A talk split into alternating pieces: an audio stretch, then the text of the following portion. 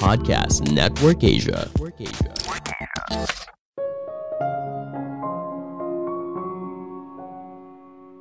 Mengubah hidup tidak perlu harus melakukan hal besar. Mengubah hidup bisa dimulai dari hal kecil sederhana, seperti memulai pagi dengan lebih baik. Halo semuanya, nama saya Michael. Selamat datang di podcast saya, Sikutu Buku. Kali ini saya akan bahas buku The Morning Miracle karya Hal Elrod. Sebelum kita mulai, buat kalian yang mau support podcast ini agar terus berkarya, caranya gampang banget. Kalian cukup klik follow Dukungan kalian membantu banget supaya kita bisa rutin posting dan bersama-sama belajar di podcast ini. Buku ini membahas kebiasaan pagi yang bisa membuat kita menjadi orang sukses. Banyak orang ingin menjadi pribadi yang lebih baik, tapi mungkin saja mereka tidak tahu harus mulai dari mana. Bagaimana kalau kamu bisa memulainya dengan langkah yang sederhana, misalnya dengan mengubah caramu memulai hari? Penulis menjelaskan soal konsep pagi yang ajaib, di mana kamu bisa menjalankan langkah sederhana yang mampu memberikan hal besar dalam hidup. Penulis berpendapat, ketika kamu bisa meningkatkan rutinitas pagi, maka kamu akan meningkatkan kualitas panjang hari. Menariknya lagi, banyak orang sukses punya kebiasaan yang sama. Mereka sering kali merupakan tipe orang yang bangun pagi dan punya ritual sendiri setiap harinya. Saya merangkumnya menjadi tiga hal penting dari buku ini. Pertama, banyak orang hidup di bawah potensinya. Apakah saat ini kamu sedang terjebak hutang, mengalami obesitas, tidak suka dengan pekerjaan yang kamu jalani sekarang, tidak punya teman? Jika kamu tidak sedang berada pada salah satu dari situasi tersebut, selamat. Tapi jika iya, maka mungkin saja kamu merasa kalau hidupmu sedang tidak baik-baik saja dan kamu ingin merubahnya.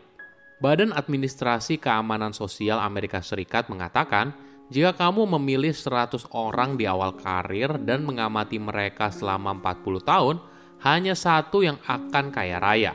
Empat lainnya akan punya keuangan yang stabil, lima lainnya perlu bekerja untuk mencukupi kehidupan sehari-hari, 36 lainnya mungkin sudah meninggal, dan 54 sisanya akan bergantung pada keluarga dan teman untuk kebutuhan sehari-hari. Tentu saja, angka statistik ini sungguh menyedihkan. Artinya, 95% dari mereka tidak menjalani hidup yang mungkin saja mereka inginkan. Kenapa hal ini penting? Karena sukses secara finansial sering kali dikaitkan dengan kebebasan. Artinya, kamu tidak perlu lagi memikirkan soal biaya pengeluaran sehari-hari atau terjebak dalam hutang. Jika dirimu tidak berada dalam kelompok 5%, jangan bersedih. Karena artinya kamu masih punya kesempatan untuk meningkatkan potensi diri. Penulis menceritakan pengalamannya sendiri. Dia pernah meninggal selama 6 menit setelah mengalami kecelakaan mobil. Lalu setelahnya, penulis menjalani beberapa hari dalam keadaan koma. Kemudian saat dirinya sudah siuman, dokter mengatakan kalau penulis mengalami cacat permanen di otak dan tidak bisa berjalan lagi seumur hidup. Namun, informasi ini tidak membuatnya berhenti. Penulis tidak menyerah hingga akhirnya dia bisa pulih. Dalam kondisi yang sulit, kita sering kali terjebak dalam masa lalu. Ibaratnya seperti seorang yang sedang mengendarai tapi selalu melihat ke cermin belakang. Kita sering kali merasa kalau diri kita ya begini, lalu akhirnya membatasi potensi diri yang kita miliki. Misalnya, kamu mendapatkan tawaran baru, entah itu soal pekerjaan baru, peluang bisnis baru, dan sebagainya. Apakah kamu berani mengambilnya? Mayoritas mungkin tidak, apabila merasa hidupnya saat ini sudah nyaman. Hal ini ibaratnya kamu menolak kesempatan bertemu calon pasangan yang luar biasa hanya karena hubungan percintaan kamu yang gagal di masa lalu.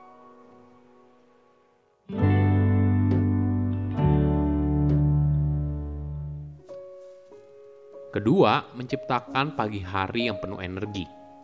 Apakah kamu bersemangat untuk mengubah hidup? Bagaimana bila kamu memulainya dengan meningkatkan motivasi dan semangat ketika bangun pagi? Ada beberapa tips yang menarik.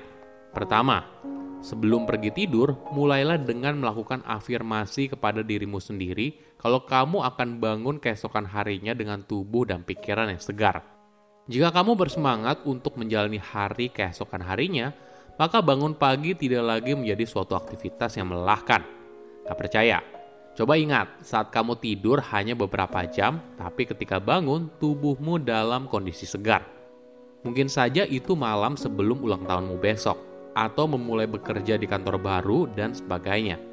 Pikiran kita punya pengaruh besar atas apa yang kita rasakan ketika bangun pagi keesokan harinya. Kedua, taruh alarm di lokasi yang agak jauh dari tempat tidur.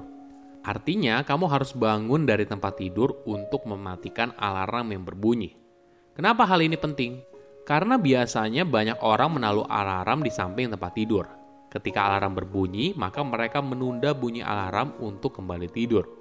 Masalahnya, setiap kali kamu menekan tombol snooze atau tunda, maka kamu menghambat dirimu dan bangun pagi yang penuh makna. Secara tidak sadar, kamu memberikan sinyal kalau kamu tidak ingin segera bangun dan menjalani hari. Ketiga, bersiap untuk menjalani hari. Setelah bangun dari tempat tidur dan mematikan alarm, maka langsung pergilah ke kamar mandi untuk bersiap. Kamu bisa memulainya dengan mencuci muka dan menggosok gigi sehingga kamu merasa segar.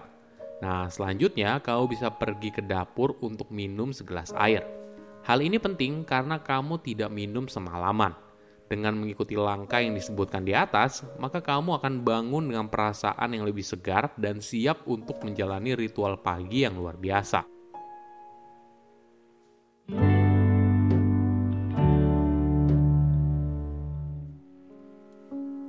Ketiga, latihan pagi hari untuk mengubah hidup.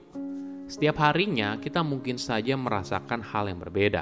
Ada kalanya kita bangun dalam keadaan senang, tapi ada kalanya juga kita bangun dalam keadaan stres.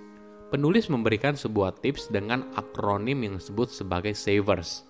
Silence, Affirmation, Visualization, Exercise, Reading, dan Scribing. Mungkin saya hanya bahas tiga saja ya, Sebelum kamu mulai aktivitas apa pun, mungkin baik apabila kamu memulainya dengan diam sejenak. Carilah tempat yang tenang dan nyaman untuk duduk santai. Lalu pejamkan mata dan mulai perhatikan nafas. Tarik nafas masuk melalui hidung, hembus nafas keluar melalui mulut. Bernafaslah dengan lambat. Lalu mulailah tarik nafas masuk selama 3 detik dan hembuskan nafas selama 3 detik. Ketika ada pikiran yang muncul, jangan pedulikan. Kembalikan fokus ke nafas. Ini mungkin sulit di awal, tapi lama-kelamaan akan terasa jauh lebih mudah. Kedua, affirmation. Kepala kita dibanjiri berbagai jenis pikiran, ada yang baik, ada yang buruk. Kamu bisa mengubah pikiran menjadi sebuah afirmasi yang positif. Tulislah berbagai area yang penting di dalam hidup Perjelas apa yang kamu inginkan dan apa yang bersedia kamu lakukan untuk bisa mencapai titik tersebut. Ketiga, visualization. Teknik ini merupakan lanjutan yang penting. Misalnya kamu ingin menulis buku, maka kamu bisa memvisualisasikan dirimu merasa terinspirasi dan bahagia ketika menulis halaman demi halaman. Ketika afirmasi digabungkan dengan visualisasi, maka kedua hal ini menjadi sangat kuat.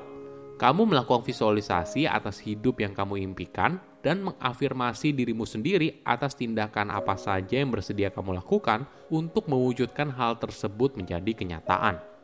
Oke, apa kesimpulannya? Pertama, hidup di bawah potensi maksimal. Dalam kondisi yang sulit, kita sering kali terjebak dalam masa lalu.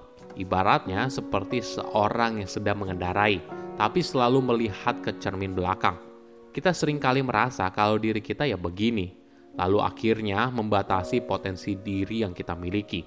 Misalnya kamu mendapatkan tawaran baru, entah itu soal pekerjaan baru, peluang bisnis baru, dan sebagainya.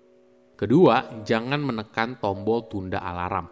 Setiap kali kamu menekan tombol snooze atau tunda, maka kamu menghambat dirimu dari bangun pagi yang penuh makna.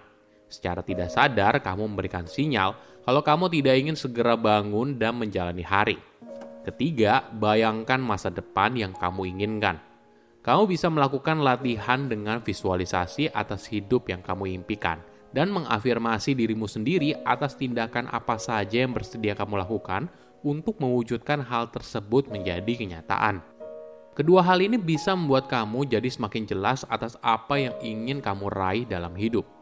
Saya undur diri, jangan lupa follow podcast Sikutu Buku. Bye-bye.